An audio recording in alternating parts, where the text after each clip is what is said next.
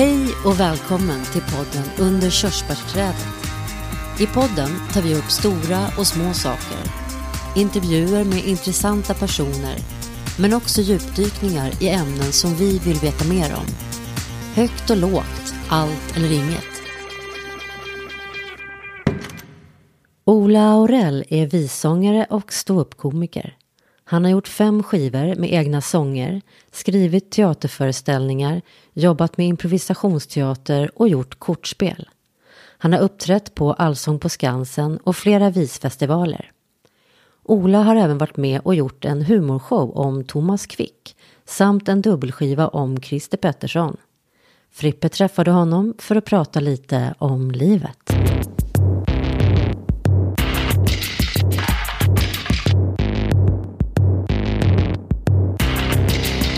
Hej Ola! Hejsan hejsan. Hur är livet? Um, jo, det är bättre nu när jag har ätit socker. Mm. Det är bra. Uh, ja, det får man väl säga. Det, det, jag har tagit mig ur den värsta depressionen nu. Vilken typ av depression? Uh, ja, det känns som att allt bara... När andra vågen kommer med skiten så allt ställdes in en gång till så var jag väldigt knäckt. Men nu, nu, nu uh, är det vår, tänker jag. Och vad jobbar du med nu? Um, jag försöker väl hålla mig sysselsatt. Jag håller på att spela in lite musik och um, uh, annars gör jag lite för lite. Så jag är med lite poddar och sånt mest. Men du är stå-upp-komiker och vissångare? Från början i alla fall, eller? Ja, det kan man säga. Det, det, jag är ju båda samtidigt på något sätt. Att det, det i gränslandet där. Så jag sjunger sånger som påminner lite om stand-up på något sätt. Och jag gör det både på ståuppscener och som musiker på något sätt. Vis festivaler och bara ställen där man sjunger. Men vilket kom först? Att du började skriva sånger eller texter? Alltså det första jag gjorde var väl mycket så improteater och, och, och, teater egentligen. Och sen så började jag göra låtar och då hade jag väl en sån, sån här vag bild av den här lite lite ironiska genren som finns där ute någonstans. Alltså Lars Demian, Cornelis Vreeswijk, den typen av lite så här mustigt berättande, lite, lite roligt. Och sen så testade jag att köra det eh, på ståuppscen också och, och, och, så funkade det ganska bra och då nischade jag mig mer mot att verkligen försöka få folk att skratta med låtarna. Och, och det är väl också att det finns rätt mycket ståuppscener så jag har fått chansen att köra där och utvecklas där. Så de flesta jag känner, är, mina kollegor, är ju mest komiker egentligen. Så du kan säga att du har tagit ståuppkomiker med gitarr? Ja men det är väl ungefär så jag brukar beskriva det beroende på vem jag pratar med. Och det är en chans som finns någonstans. Det finns, alltså, man kan ju droppa några så här utländska namn som ändå är det där musical comedy på något sätt. Men hur har du alltid hållit på att göra låtar och underhålla och så? Nej, fast jag har inte gjort något vettigt. Jag, jag, jag höll på att studera väldigt länge och, och testade olika, försökte hitta något sätt att uttrycka mig på som skulle funka. Och um, till slut så uh, hade jag blivit ganska gammal och testade att göra låtar och då kändes det som att jag fick lite bättre respons på det än jag hade fått tidigare och då tänkte jag att nej, men då, får jag, då får jag det, det här jag får hålla på med. Mm. Vad studerar du för något då? Eh, jag har studerat mycket humaniora, filosofi och litteraturvetenskap och, och var väl ganska intresserad av att eh, ta det på allvar liksom och doktorera och sånt där. Men, men jag vet inte om det passade mig till 100 procent. Uh, jag, jag, jag, klättrade nog lite på väggarna samtidigt och så har jag också studerat lite, lite konst och uh, så här allmänt. Målar och sånt också? N nej, jag, just de senaste åren har jag klottrat lite och gjort så här ja, Youtube-videos där jag ritar fåniga flodhästar och sånt. Men det är väldigt på en, inte på någon nivå. Just nu håller jag faktiskt på att måla för jag har fått en privat beställning. Någon som vill ha ett, ett konstverk på väggen av mig. Men det, det känns ju mer som en sån här vi lyssnar på din musik, kan du inte rita något som vi kan ha på väggen? Så det, jag skulle inte kalla det för konst. Mer än att jag faktiskt ritade. Det är väl upp till betraktaren? Eller? Ja, det är det ju absolut. Så det, det, jag har varit och köpt pennor senast idag som jag ska investera. Jag tänker dra, dra av det och så vidare. Så att jag är ju konstnärligt aktiv i den meningen. Var kommer du ifrån? Jag kommer från, eh, vad ska man säga, strax utanför ett litet ställe som heter Tollered som i sin tur är, ligger utanför Göteborg. Och hur var, hurdan var du som barn? Det, det är svårt att svara på. Uh, jag, jag, jag, jag, vet inte. Hur, hur brukar man vara som barn? Var du rolig? Nej, jag pratade faktiskt med min mellanstadielärare för några år sedan. Jag tror att jag hade varit i tv eller något sånt där och han tyckte att då, då kan man väl höra av sig och bara säga hej och vad kul. Sådär. Och han, han var ju sådär att nej, det här var ingenting jag såg komma. Att du skulle... Ja, du var ju lite rolig, men jag tror med rolig menar han nog med att jag var lite flippig ibland. Men jag, nej, jag var nog lite ganska ensam och i alla fall lite senare ganska pluggig och lite så aspig på något sätt. Och det är jag väl fortfarande. Men, men eh, nej, jag kommer mer från ingenjörsbakgrund och så. Man tänker min familj och så. Är dina föräldrar ingenjörer? Ja, min pappa är ingenjör, min mamma är sjuksköterska. Så att det finns liksom inget... Eh, det finns inte mycket till konstflum så. Där. Det, du, det tog lång tid för mig att, att hamna där någonstans. För det var väldigt onaturligt. Hur hamnade du där då? Jag hade väl någon kris i 18-årsåldern. Alltså fram till dess hade jag nog bara sådär, du vet, spelat spela strategispel och tänkte att om jag får någorlunda bra betyg så kan jag sen gå en vettig utbildning som man ska göra. Och sen så insåg jag att jag inte var så intresserad av det som folk brukar göra och då började jag leta febrilt efter något annat som skulle fylla mitt liv. Och det tog ungefär tio år innan jag hittade fram till någon vettig riktning. Så ungefär så. Men som barn, du var inte den som var, stod längst fram och alltid var med på roliga timmen? Jag hade lite sådana drag, men jag tror att det försvann. Hade det inte varit att jag slutade det jag gjorde så hade jag nog inte tänkt på det i efterhand. Men jo, ibland gjorde jag lite så här eh, vissa sådär klassens clownaktiga grejer eller roliga timmen-grejer. Men jag var nog mycket mer nördig, pluggis, kanske lite enstöring. Eh, ja, ja mer sån person. Um, känslomässigt avstängd. Vilket var ditt favoritämne? Uh, historia är nog det. Och det tycker jag fortfarande är roligt. Och ibland på nivån att jag tycker att det är en sån här liten pinsam grej. Att det är lite tönt faktor på det. Men att jag inte kan låta bli och Alltså jag, jag, jag har ingen... Ibland har jag en glädje av det. Men jag, nej, jag tycker att det, det ja. Men musik då? Lyssnar du mycket på musik i ungdomen? Nej, det kan jag inte säga. Jag lyssnade i alla fall upp till gymnasiet en gång så lyssnade jag nog mindre på musik än, än de flesta av mina kompisar. Och, och så någon gång i gymnasieåldern så började jag lyssna på musik och sen var det i kanske 20-årsåldern så lyssnade jag väldigt mycket på musik. Då hade jag liksom perioder jag mådde ganska dåligt och då lyssnade jag väldigt mycket på musik. Och så hade jag också vänner och min bror och sådär som höll på ganska seriöst med musik. Så, så då, kom det väl in den, den, känslan av att musik var någonting viktigt och intressant. Men det var sent i mitt liv. Eh, som barn så jag, jag gick lite så här kommunala musikskola men jag var aldrig intresserad av det och jag hoppade av det och sådär. Men vilken musik lyssnade du på när du var i 20-årsåldern då?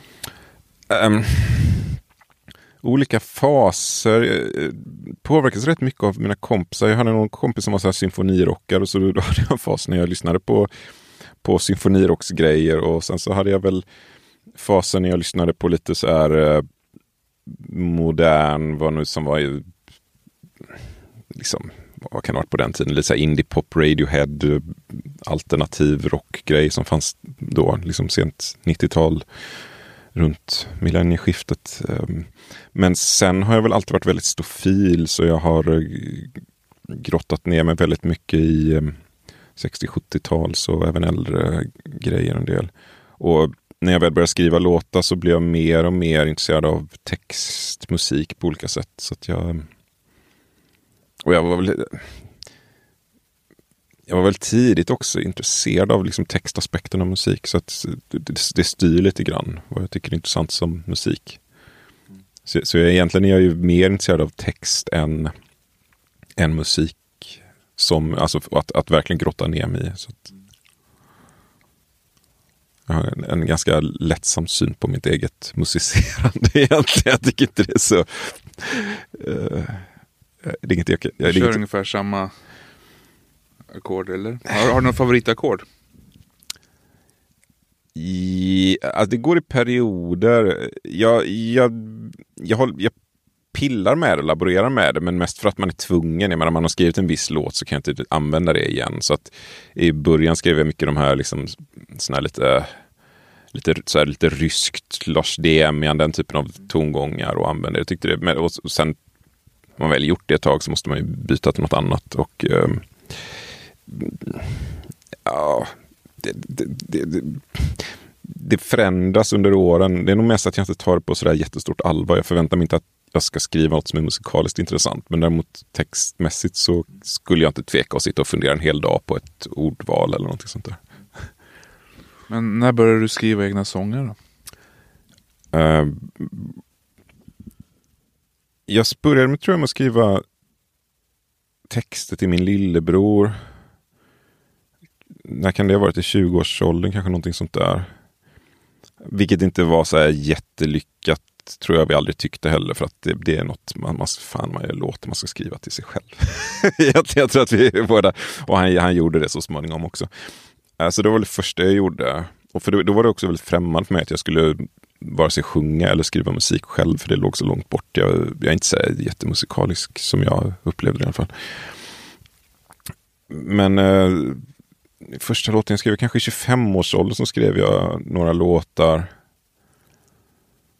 Och framförde mig, det var liksom inget speciellt med det. Och sen så började jag liksom seriöst några år senare och ändå skriva låtar. Um, så, så sent egentligen. 25-årsåldern, om man säger, när är du född ungefär? Ungefär, cirka? Uh, 76 är jag född. Så jag, jag, tror att jag började skriva... Mm, jag hade gjort... 2005 minns jag så flyttade jag från Sverige och, och, och var tillsammans med någon flickvän. Och, och jag minns att hon uppmuntrade mig att hålla på med musik och tyckte att liksom, skit i att försöka skriva teater eller vad jag gjorde. Liksom, det, du gör jättebra låtar. Så då hade jag väl uppenbarligen skrivit några låtar. Och då vet jag att efter det, när jag hade lite tid över efter att vi gjort slut, så började jag, satt jag och slamrade och skrev mycket låtar. Uh, och det gjorde jag väl det några år. Jag tror jag inte uppträdde med dem förrän 2008. Någonting sånt. Så det var väl en tre år däremellan. Som jag liksom satt och skrev låtar. Men hade du skrivit teater innan också? Ja, med, med helt utan framgång eller um, struktur. Men jag satt upp ett antal teaterpjäser tillsammans med mina vänner i Göteborg. På vilken teater? Har Ja, vi, egna, egna små grejer. Det var väl inom studentteatern och inom något eget någonting, vi kallar det väl för något, jag kommer inte ens ihåg det just nu. Men du skrev och var med på scen också? Ja, fast jag såg det nog som att jag ville skriva mer. Alltså, de ville ju bli skådisar eh, i större eller mindre grad. Och eh, jag ville väl skriva teater, men jag regisserade en del och sen spelade jag improteater och då stod jag på scen själv. Men jag, jag var aldrig inne på att jag skulle skådespela. Men om man säger, dina sånger är ju mycket humor. Och var det humor också i teater? Föreställningarna? Ja, det var det väl. Fast jag hade liksom ganska länge en sån eh, liksom en pretentiös sida. Som liksom var lite parallellt. Att, att, att jag ville vara rolig och så ville jag vara sådär lite pretentiös. Och sådär, läsa svåra böcker och skriva svåra grejer. Och jag tror att jag när jag skrev pjäser så hade jag inte riktigt rätt ut det där. Men när jag började göra låtar så hade jag en period när jag verkligen ville ta bort allt det pretentiösa och liksom koka ner det till, till något ganska dumt och allmängiltigt. Liksom. Så eh, ja, jag vet inte. Det, det, det fanns väl något försök att vara rolig i det. Men det var också alldeles för pretentiöst och navelskådande och sådär och ganska... Nej, jag, jag, jag hittar aldrig ett, ett riktigt konsekvent eh, uttryck i det. Så jag skulle absolut inte vilja se eller höra något av det idag. Det finns kanske bevarat. Det är möjligt, men tack och lov så lär ingen någonsin bry sig. Sen så, när kom din första skiva? Den kom inte förrän 2012. Så då hade jag väl uppträtt i ökande grad i liksom fyra år nästan innan, i alla fall tre och ett halvt innan jag spelade in den. Och jag hade väl först hade jag en tanke att det jag gjorde framförallt var liksom stand-up comedy. Så att jag ska liksom, det här är en scengrej, jag ska utveckla mig som underhållare och så ska någon eh, tycka att det är roligt, jag ska vara komiker. Så jag tänkte inte så mycket på att spela in skiva och sen så hade jag ett tag här inne på gång, liksom, det var mycket så här snack, jag ska fixa ett skivkontrakt med dig. Så liksom det, det fanns en massa snack och då till slut så när allt sånt gick i stöpet så bara jag letade upp någon kille som hade någon källarstudio och så började jag spela in lite låtar bara för att sälja på mina spelningar. Så den skivan är ju därefter. Det, det är ganska det är bra låtar på den men det är liksom bara jag med gitarr rakt av. Sådär. Som, på den tiden, det var liksom sluttampen på att det gick att sälja CD-skivor. Så den, den var mm, det är väl det jag gjort som förmodligen är mest ekonomiskt lönsamt. För det var nästan gratis att spela in och jag kunde stå och sälja efter varje spelning. Har du jobbat med någonting annat än med musik och stand-up? Ja, det har jag gjort. Men jag har, som sagt, jag studerade så länge det gick och sen så hankade jag mig fram framförallt på så här lite översättningsjobb och sånt som jag gjorde under ett antal år. Översätt vad? Äh, mest engelska och mest olika så här, tekniska texter. Ehm, så här, instruktioner till äh, medicinsk analysutrustning och sånt där. man får lära sig hjälpligt vad det heter på svenska och sen kan man fuska sig fram med det. Äh, men det är inget jag, det är inget jag saknar. Men hur många skivor har du gjort idag då? Måste jag? Eh, jag släppte min femte förra året. Och sen har jag också gjort lite så mindre, mindre projekt. I liksom lite, en, en, någon EP om att ta över Härjedalen och några låtar om en EP om? att ta över Härjedalen. Okay. Nu tar vi över Härjedalen. Vad, ska man, vad är det för något då? Det är en väldigt rolig show som eh, mest Marcus Johansson gjorde. Men jag var också med på ett hörn och gjorde låtar till hans show som är det är väl en slags tanke att man ska Härjedalen är inte så befolkat utan det bor tror jag 10 000 personer ungefär. Och tanken var att man skulle samla ihop lika många och så flytta dit och liksom bara ta över Härjedalen och sen förvandla det till en idealstat. Vad är en idealstat i ditt fall då? Eh, jag tror att eh, alltså vi, han svarade mycket på frågor och reste runt och eh, det, det, finns något populistiskt i det som jag minns att han mycket försökte svara det som folk ville höra lite grann om folk ville ha glass och sa oh ja, oh ja, glass, absolut. Och så där. Men ja. Um, så eh, ja, ja, min roll var nog väldigt mycket att hålla med och förstärka ledaren i den här strukturen. Så, så många av låtarna handlar väl om hur dåligt det är Härjedalen nu, hur upprörande kommunstyrelsen beter sig och eh, känslan att det kunde ha varit så vackert där uppe. Och det enda konkreta förslaget tror jag är låten Polyandri där tanken är att i det ska vara liksom kvinnligt månggift, att kvinnor ska få gifta sig med flera män i Härjedalen. Vilket delvis kom sig av att vi upptäckte att det var så här 70-80 procent män i vår Facebookgrupp så att det skulle bli väldigt mm. skevt där uppe. så att det var det liksom ett sätt både att lösa den situationen och att locka in fler kvinnor i rörelsen. har du gjort fler sådana här små projekt? Ja, jag, Isak Jansson gjorde en humorshow om Thomas Quick-fallet där jag också skrev låtar. Thomas Quick, Sturebergvall? Alltså. Ja, exakt. Mm. Så vi, vi turnerade runt med, med den föreställningen rätt mycket. Och, och där har jag också spelat in musik. Och vad handlade den föreställningen om då? Det var väl ganska mycket att vi gick igenom fallet eh, och, och skojade om det. Så att det var väl liksom ett försök att både vara, för de som kanske inte har orkat sätta sig in i det, men som ändå kanske har vuxit upp med det i bakgrunden, få en liksom nedkokad version.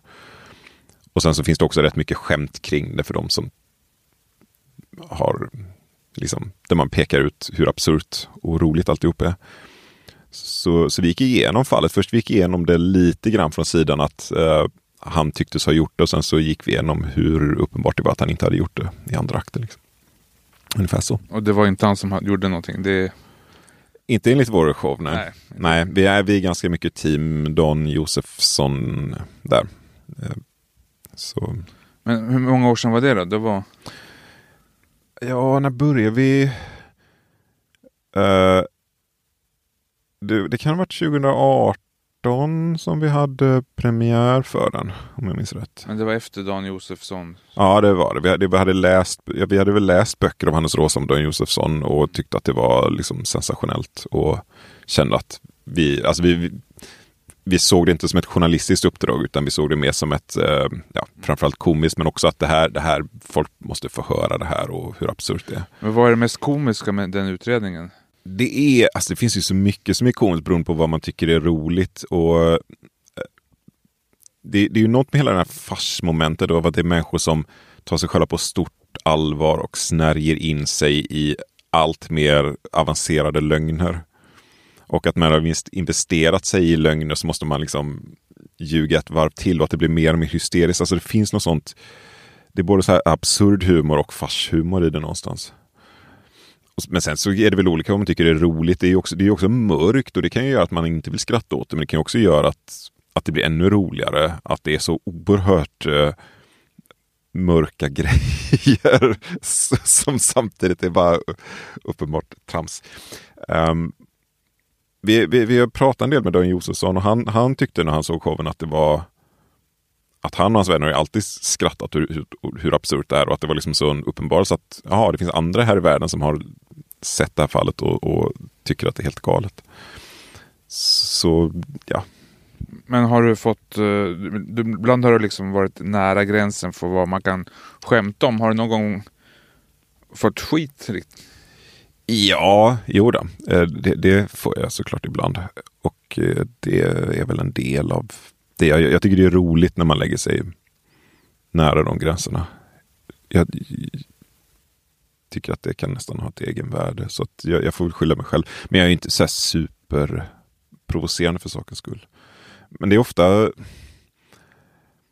det är ofta ganska godtyckligt tycker jag vad, vad man kan få skit för. Det, det,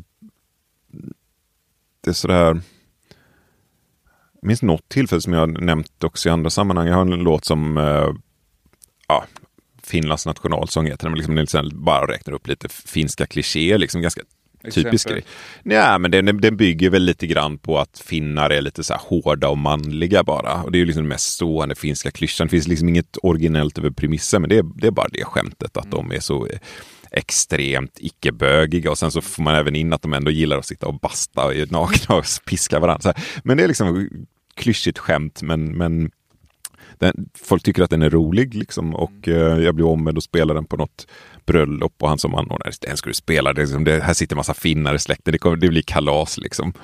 Och, och, men sen så istället så tog några av dem emot det som att Ja, du vet, här är vi finlandssvenskar, jag har varit andra klassens medborgare i det här landet och alltid fått höra att ni, ja, ni kan jobba på chokladfabrik, jäkla finnar. Så, sådär. så kommer någon och sjunger om hur grova och okultiverade de är. Och, och liksom, de börjar gråta, det blir jättehemskt. Och jag pratade ju med några av dem sådär efteråt. Och att, och de förstod ju att ja, det här är en fyndig låt på något sätt. Men för mig var inte det här roligt. För, och, och sånt kan ju hända hela tiden. Men det är också lite så konstigt. Det är några av mina mest så här uppskattade låtar som också är de som får mest, mest skit på något sätt. Vilket understryker det jag, jag känner själv att det är ju roligt när man när det blir lite jobbigt. Och vad handlar din mest, dina mest uppskattade sånger om? Ja, men de två som spelas mest just nu och generellt är en som heter Man kan göra många saker med en katt. Och det är ju ingen som blir stött på allvar av den. Men, men, men den är ju, det finns ju en ton av så här, ja, men, mörda katter och använda katterna till roliga saker, till hattar och sådär, helikoptrar vad det nu är. Um, och, och spelar man den i radio så får de ju kritik liksom. Och någon har lagt upp den på Youtube och det är många tummar ner. Liksom. Alltså det, det är sådär, men det är också den som barn gillar och flest spelar. Och jag har någon annan låt som bara larva sig runt allas diagnoser som heter elevhälsan som också folk lyssnar på. Och det är också en sån här som kan hamna snett och som folk liksom... Ah. Man kan skämta om allt. Ja, det, det kan man såklart. Det, det, alltså det, som, som komiker, eller man hänger med komiker så blir, så blir i alla fall jag så fruktansvärt avtrubbad så det är nästan inte intressant längre. Det är så självklart att folk skojar och att det enda intressanta är huruvida ett skämt funkar någonstans. Eh, men det är ganska godtyckligt tycker jag vad som är vad som är känsligt och vad som inte funkar i ett visst sammanhang. För även bland komiker så finns det vissa grejer som plötsligt kan vara så här jättetabu. Liksom. Komiker som annars skojar jättegrovt om du vet, pedofili och det är liksom bara hur, hur kan du klaga på humor? Sen så är det så här, har ju någon skojat om BLM här liksom. Va, det här är inget vi skojar om liksom, vad håller du på med? Så där. Och, så, och det är liksom, det, det, är inte självklart. Du har dina små tabun här plötsligt. Men, men, och, och, det kan ju variera från fall till fall, och från vecka till vecka och från grupp till grupp. Och Det handlar väl mer om att läsa in en situation och vad som ska bli roligt där och då, tänker jag. Vad gillar du själv för humor? Vad skrattar du åt? Jag... Tidigare har jag alltid svarat sådana här, liksom, det finns det finns rätt mycket sådana här liksom, animerade serier som jag gillar. Alltså mer än stand-up så gillar jag Om typ Rick and Morty tyckte jag var väldigt bra när det gick. Och även lite andra sådana här Archer och tidigare lyssnat eller kollat på South Park och Family Guy. Och sådana där. Det, det, är något att de kan ta ut svängarna i sådana serier. Och både skämtar ganska hårt och eh, ganska flippigt någonstans. Så där tycker jag det har funnits mycket som jag gillar. Um, annars vet jag inte. Jag, jag, jag, gillar väl ganska mörk och, och hård humor tror jag. Men ja, nej. Du gjorde även en dubbelskiva angående Christer Pettersson. Ja, just det. Vad var det för någonting? Det, det var ju mer av ett så här... Eh, vi var tre, vi känner varandra sedan tidigare och vi känner varandra för att vi alla gör så här text, musik och är intresserade av textnörderi och roliga låtar och sånt där. Och så satt vi väl och spånade fram det som ett sånt här projekt. Som är, det, här, det här är lite för dumt, men sånt där man går igång på att göra det för att det är så dum idé. Och så peppar man varann. Så att vi ska göra ett dubbelalbum med bara, om bara Christer Pettersson och, och vi crowdfundade det. Och det är ju liksom ett på många sätt är det ett idiotprojekt. Där, där hade vi inte den tanken att vi måste underhålla eller vara roliga. Utan det var ju bara, nej men kör fritt liksom. Det får vara hur nördigt eller hur dumt eller ytligt. Eller... Vilka var det? Det var du? Jag, eh, Nippe Svensk och Björn Ende. Det är väl artistnamn både och om jag förstått rätt. Men, men eh, de har en bakgrund i svensk pop och Björn Ende har en bakgrund i Katten Skogmans orkester också. Mm. Så eh, vi, ja. Vi... Vad hade ni för ingång på Christer Pettersson då? Om du jämför med Sture Bergvall då? I Sture Bergvall fanns det ju ändå ett, en ambition att skriva en sammanhängande um, pedagogisk show. Christer Pettersson var ju liksom mer en explosion, liksom kör loss, liksom. Bara total brainstorm. Vad, vad, vad kan vi associera till Christer Pettersson? Vilken låt vore kul om den finns med? Så vi liksom spånade ur oss alla ingångar vi kom på. Ska vi ha en låt? Någon, borde finnas en låt som handlar om Fantombild, borde finnas någon som handlar om 42-åring. Vi borde nämna Gert Fylking i någon låt. Vad kan vi göra liksom? Och så olika genrer. Så många, vi har väldigt mycket olika genrer på den, väldigt mycket olika ingångar och trams. Eh, så det är en, en eh, jag, tror att det är en lite konstig och kanske delvis svårlyssnad skiva för att vi har tagit med liksom så mycket olika grejer. Men det, det finns också så här fullkomligt eh, briljanta saker i det. Exempel? På briljanta saker? Oh, det där är jobbigt. Uh, jo, min favoritbriljanta sak är ju den sju minuter långa powerballaden om hur uh, Ulf Brunnberg och Christer Pettersson går på Kalle Flygares teaterskola tillsammans. Och hur de liksom, det, finns, det, är en väldigt så homoerotisk låt, hur de liksom är där, lite duschar och bastar tillsammans och hur de liksom drömmer tillsammans när de ska stå på Dramatens scen och sen så blev inte livet som de tänkte och de, de drömmer sig tillbaka och om tiden gick att vända så borde de backas till när de satt där och drömde i väntan på i väntan på Godot och så är det så här smäktande och det stråkar. Jag blir alldeles tårögd varje gång jag har gjort en musikvideo till den. Första så här sju gånger när jag lyssnade igenom låten så satt jag och grät för jag tycker det är så gripande berättelse och det är samtidigt så oerhört fånigt alltihop. Så det, det är, jag älskar massa saker på den skivan. Men det är också Men- konstigt. Men det var sant att de gick i samma klass på Kalle Flygare? Mm, absolut. Det är samma, samma årgång och det, det finns också något genuint sorgligt i det som jag tycker är rörande när man tänker på ja, men hela Christer Petterssons öde och att han ändå var liksom begåvad. Han var ju liksom en det var ju rätt svårt att komma in där och han var liksom en begåvad skådis. Han var begåvad i allmänhet också. Han var rätt intelligent. Och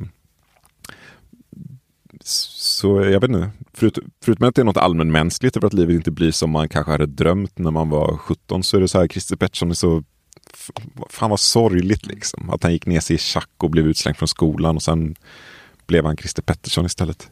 Varför blev han det då tror du? Det har, vi, vi har ju också låtar om, om det. Vi har en låt som heter Den andra killens fel eh, som handlar om, ska också vara en sann historia och Källa är väl Chris Petterssons pappa. Men han fick ett slag i huvudet någon gång på, jag vet inte vad det hette på den tiden, om det var läroverket eller så. Men eh, eh, någon, någon slog honom och enligt berättelsen då så ska han efteråt haft problem sitt temperament. Han ska ha haft en lättare hjärnskada helt enkelt. Christer alltså? Ja, och som vilket då skulle kunna förklara både hans så här, vredesutbrott och hans amfetaminmissbruk och hans, eh, alltså han, han tappar impulskontroll helt enkelt. Och sen så hamnar han ju i drogmissbruk och småstölder och sånt väldigt tidigt. Eller så är det bara att vissa föds ruttna liksom. Men det är också sorgligt i så fall. Men det var inte han som sköt Palme då, tror du? Jag vet ju att du är, är en nörd på det här. Jag tror... jag- har ju ingen sån här... Det är inte som att jag bryr mig jättemycket. Jag skulle tycka om jag trodde att det var han som sköt Palme så skulle skivan bli lite för mörk. Om det var så här 100% uteslutet, vi vet att det var Skandiaman eller whatever, så skulle det kännas lite sådär, mm, då blir Chris Pettersson lite, lite ointressant. Varför gjorde en skiva om honom istället för Skandiamannen? Så att jag är glad med att det är 99% säkert att det inte var han. Men jag, nej, jag tror inte att det var han. I så fall hade jag nog inte gjort en sån skiva. Vi har, där har vi också några så här osmakliga skämt. Det är ingen som bryr sig om det, men vi, vi har liksom någon sån här gangsterrap där vi lite grann hyllar honom som en gangstergud och så avslutar vi med två pistolskott där vi försökte leta upp det korrekta ljudet från, från mord. Alltså det är lite smaklöst, men vi tyckte det var roligt och, och det hade vi trott att det också var han som mördare så känns det som att då blir det lite så här, mm, ja. Men ni ska inte göra en skiva om Skandiamannen nu då? Nej, det ska vi inte. Alltså det är, Nippe är ju den som går längst med det här lite konstnärligt nördiga. Och hans, hans seriösa idé när vi väl har gjort Christer Pettersson, vad ska nästa projekt bli?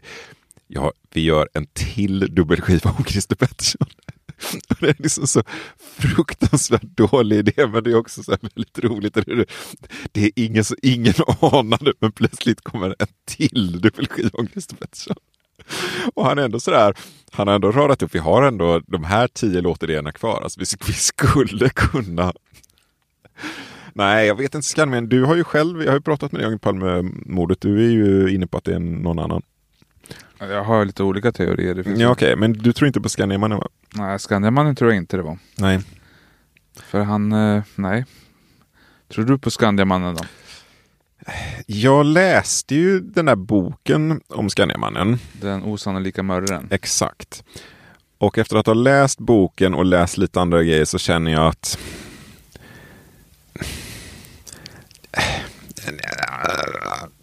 Nej, alltså det, det finns en massa andra möjligheter till det de tycker är träffande. Jag menar att han eh, gillar att få uppmärksamhet och är lite mytoman och sådär, för all del. Men det säger ju ingenting om att han måste ha mördat honom. Sådär. Jag, jag, jag har ingen så stark åsikt om det. Men nej, jag, jag känner mig inte så här 100% att... Du är inte nöjd egentligen med det? Nej, men jag, jag vet inte vad jag, om jag är nöjd med någon Du annan bryr förklaring inte? heller. Nej, jag tror inte. Jag, bry, jag har nog aldrig brytt mig så mycket. Alltså jag fattar ju att det är en stor grej att en statsminister blir mördad, men just den där känslan av att det är ett oläkt sår som det verkar vara för en viss generation människor har jag aldrig fattat som att... Nej. Jag undrar om det var för att folk från början tänkte att det här var ett liksom, så politiskt dåd, att det var ett anfall på Sverige och då blir det så traumatiskt när man inte löser det. Men jag, jag har nog bara, det spelar väl ingen roll ändå, Christer Pettersson. Alltså, mm. folk blir väl mördade hela tiden. Men eh, det, det, det är klart att det, om det var en konspiration så spelar det ju roll förstås. Men om det var Chris Pettersson eller om det var någon annan ensam idiot med högermotiv eller något sånt där. Alltså, det gör ingen skillnad för min del. Jag, jag har aldrig brytt mig om det. Nej, men om mördaren lever idag så är ju, skulle man gärna vilja att den personen åker fast. Ja, jo för all del. Men det, kan väl, det gäller väl alla andra brott också då? Jo. Nej, jag, jag, jag vet inte. Jag, jag, jag, respekterar all form av nörderi och jag hade lika gärna kunnat nörda in på det som på alla andra grejer jag nördar in på. Men eh, det, det har aldrig fastnat på mig. Vad har du mer nördat in på? I, det varierar väl över tid. Alltså, ja, historia så för kan jag nörda in på. Um, nu har jag en liten så schackperiod när jag följer schack, någon schackkanal på Youtube. Och sånt där. Det, men det är ganska godtyckligt. Är du bra på schack? Nej, inte, inte tillräckligt för att få nörda in på det sådär. Men jag menar, om någon inte kan spela schack så, så skulle jag ju besegra dem. Liksom, jag, jag, jag kan lite. Men eh, jag tycker inte det är... Alltså, aspet i alla är, men det finns någon gräns när jag inte klarar av att vara sådär, nu ska jag lära mig allt det här utan till och spela korrekt. Alltså, jag, jag gillar en massa saker med schack som man egentligen inte borde gilla så mycket om man skulle vilja bli bra på det. Jag gillar, jag gillar sånt som vad, vad de olika öppningarna heter och sådär. Okay. Vad heter? Har du någon favoritöppning?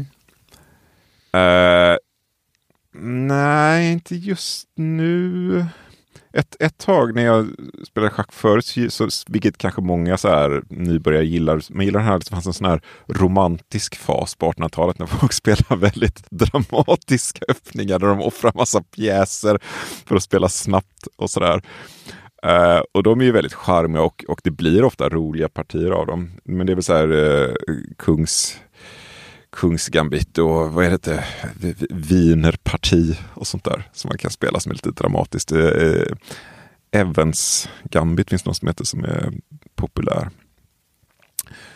Så sådana är roliga. Jag, jag, vet inte. Jag tycker det är bara kul att de heter saker. Det finns någon som heter så här stekt leverattack. Och det är liksom ett gammalt namn på den också. Vad är stekt leverattack?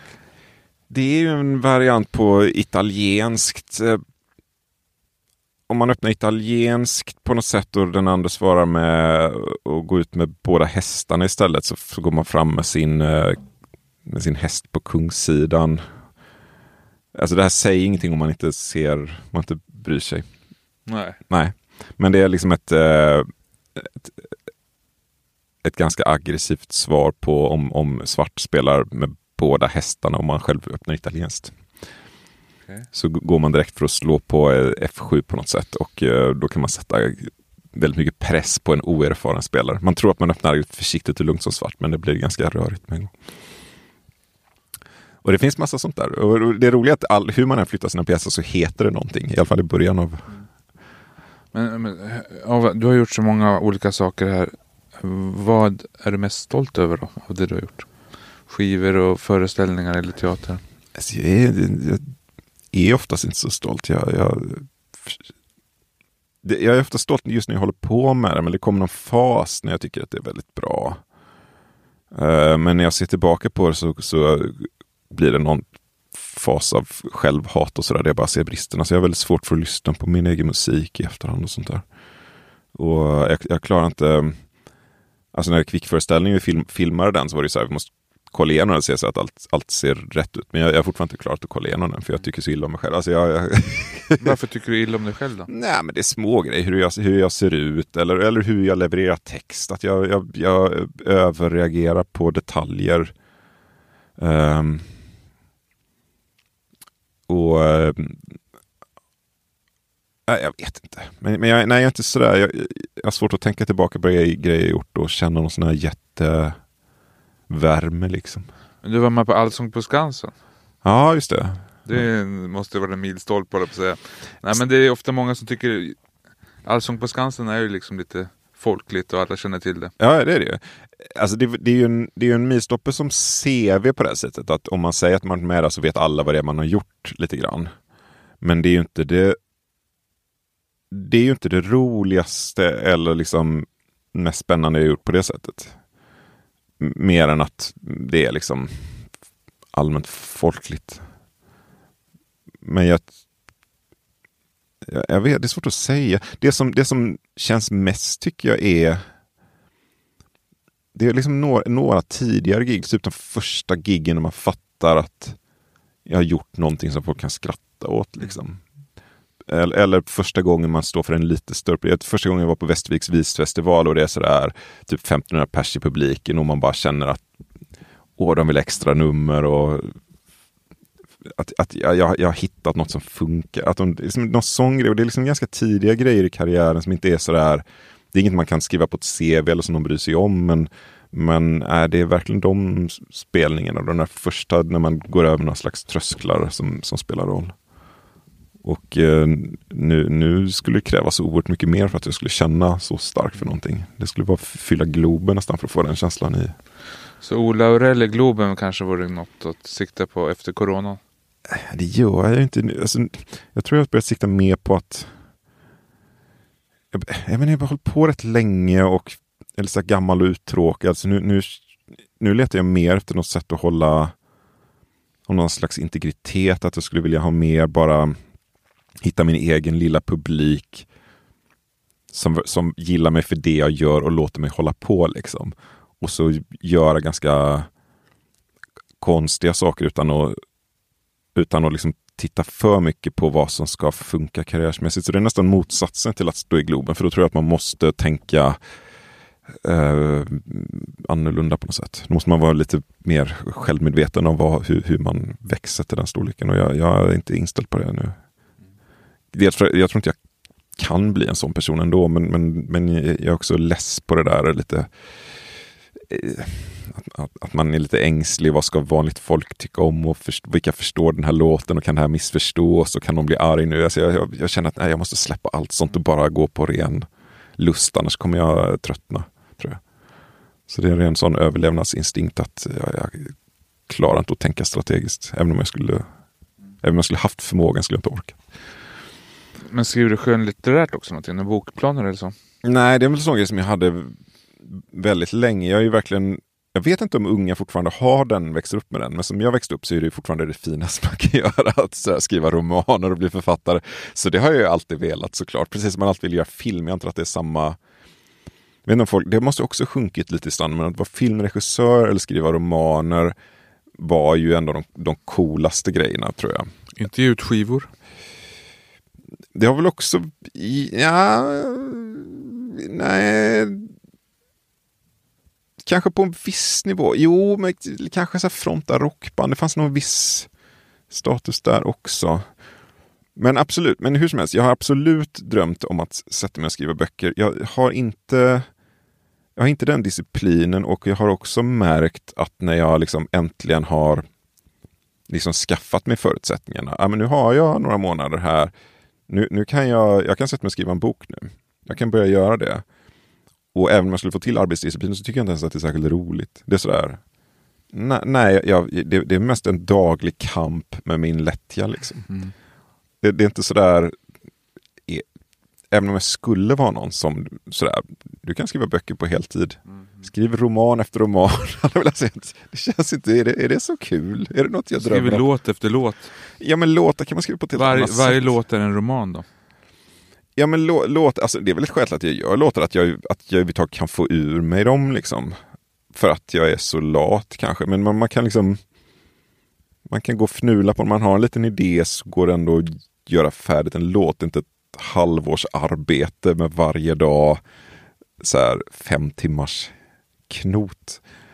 Men alltså, det är väl jag vet inte om folk läser dem. Det är väl också så att jag faktiskt, jag har ändå läst en del romaner i mina dagar och nu läser jag inte det längre. Och, och jag så kanske det inte är för resten av mänskligheten, men om andra är som jag så har ju folk slutat bry sig om romaner. Och då känns det ju bara dystert att sparka på det. Liksom. Jag vet inte. Folk kanske läser lika mycket som förut, jag har ingen aning. Jag tänker att alla kollar på, lyssnar på poddar. Ja. Skriver, du, skriver själv romaner? Du gör ju i alla fall bokprojekt vet jag. Jo, jag har skrivit några böcker. Ja, precis. Men nu poddar jag mest. Ja, Nej, jag har lite olika saker. men är det, är det roligt? Är det sådär när du sitter med det på dagarna, fan vad gött att få sitta och skriva? Nu var det några år sedan jag hade här skriv... eh, skriv... flow. Och när man är inne, det är ju liksom fantastiskt. Sitter man dygnet runt och snurrar allting för mig.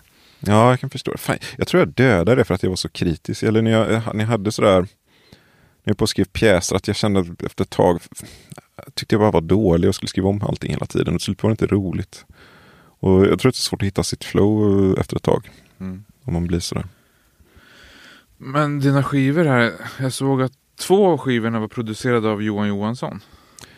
Eh, tre till och Tre med. till och med. Eh, och den tredje så började vi faktiskt utan honom för vi ville testa en annan ingång lite grann.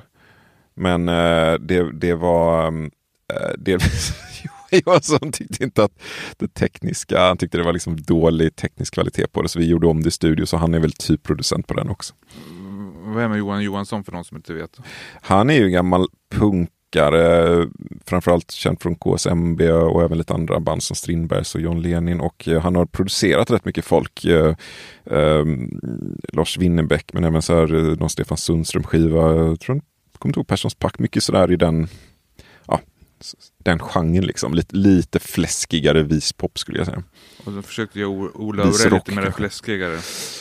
Ja, det är ganska fläskigt. Det är väl på gott och ont tycker jag. Ibland flyger och ibland låter det som att någon bara har gjort en rockcover av något som var ganska försiktigt från början. Ehm, men han är ju jätteduktig och ehm, har ju betytt mycket för mig. Och så jag tycker mycket om honom. Har humor förändrats tycker du sedan du var barn? Ja, det har den ju gjort flera gånger sedan jag var barn. Det är ju liksom så här 80-tal, men sen är det också svårt att se saker med samma ögon. När jag var barn, vad var det då? Då var det ju så här, ja, Sten-Åke Cederhök fanns ju fortfarande kvar.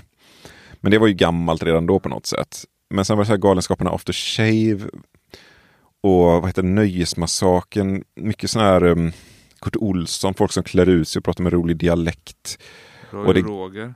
Ja, Roy och Roger. Det är, ganska, det är ganska mysig humor och det är ganska mycket klut sig och prata med rolig dialekt. Eh, sen känns det som att 90-talet hade väl liksom sin lite råare ton. Mm, vare sig det är så här Killinget, Bananteatern och, och, och vad hade Lorry och lite, alltså det, det känns som att men sen har det hänt flera grejer till. Jag har, inte, jag har liksom lite dålig överblick eftersom jag själv har förändrats efter vägen. Och jag tycker också när man blir gammal att olika så tider bara flyter ihop mer. Så att det, det är svårt. Det känns som att man lever både nu och på 90-talet samtidigt på något obehagligt och ibland lite trevligt sätt. Att Jag behöver inte leva nu, jag lever också 98 och 2005. Det är inte så stor skillnad. Uh, när jag började och liksom kom in på standup-scenen så kändes det under en period som att folk nästan tävlade i att vara liksom råa och provocerande. Och delvis har det levt kvar hos vissa komiker. I alla fall vad det gäller en viss typ av så här lite pedofil och sexskämt. Men sen kom det liksom under 10-talet tycker jag en sån lite mer från hjärtat våg. Nu ska vi prata om, eh, om så här Soran Ismail-grejer eller Henrik Schyffert ska visa sig från sin innerliga sida eller nu ska vi prata lite politik. Det, det kom mycket sånt under en period och de senaste åren så har det väl funnits i alla fall från amerikanskt håll en sån här woke-trend men det, är väl- det är väl i- ibland tar man tillräckligt långt så blir det ju inte ens humor längre. Så att det blir mer liksom äh, saker som man måste verkligen skoja om på rätt sätt. Ja, det, det, det är svårt att säga. Det, det känns också, ibland känns det som att man tänker att en viss tid ska vara på ett visst sätt. Och ofta finns det ju tre saker samtidigt som är helt i motsats till varandra. Att Killinggänget är ju samtidigt som Stefan och Krister liksom. Och de var ju minst lika stora. Men man vill ha det till att nej, på 90-talet gillade vi Killinggänget. Men nej, vi gillade Stefan och Krister på 90-talet. Det var Stefan och Krister vi gillade. Men jag vet inte, det, det, jag tror det är så nu också. Tycker du att du själv är rolig? Vi, vi, nej, det är svårt att se mig utifrån på det sättet. Uh, man måste ju försöka ha ett visst självförtroende med sig. Uh, om man ska gå upp inför publik och få dem att skratta. Annars blir det ju för, för konstigt. Och, och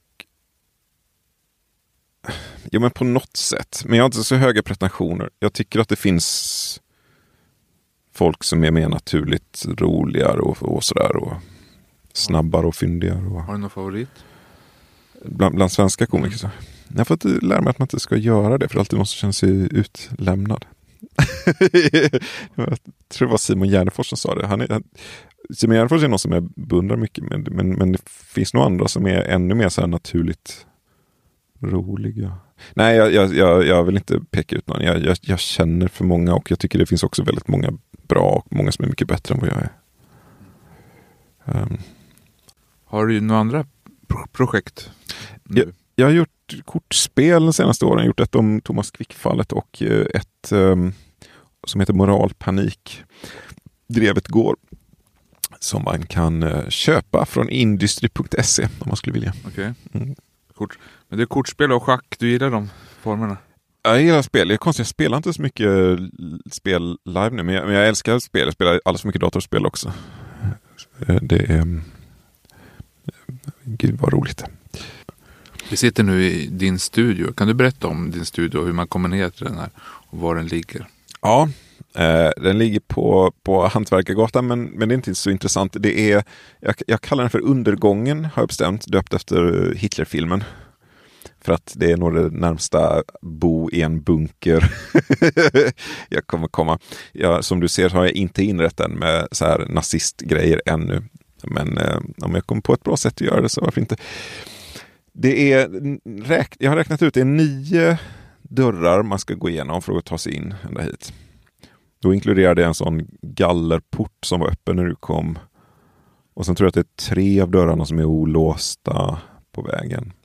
Men är många dörrar och eh, djupt under ner i ett underjordiskt komplex där de hyr ut studios till. Eh, jag känner inte folk här, men mitt intryck är att det är mycket sådana um, unga killar som sitter och producerar beats och musikgrejer till folk. Och du är en gammal gubbe som sitter och skriver roliga texter? Jag är en gammal vis farbror. Och jag, jag kan lätt tänka mig att jag är den, den enda som har den ingången i, i det. Men eh, det eh, skäms jag inte för. Ja. Om de vore så här jätteframgångsrika på det de gör hade de inte suttit här. Då hade de väl haft en, vacker studio i någon, eh, i någon sjöstad istället. Så de ska inte komma här. Men tack så mycket för att jag fick komma till din bunker. Ja, tack själv. Ja. Tack. Ja.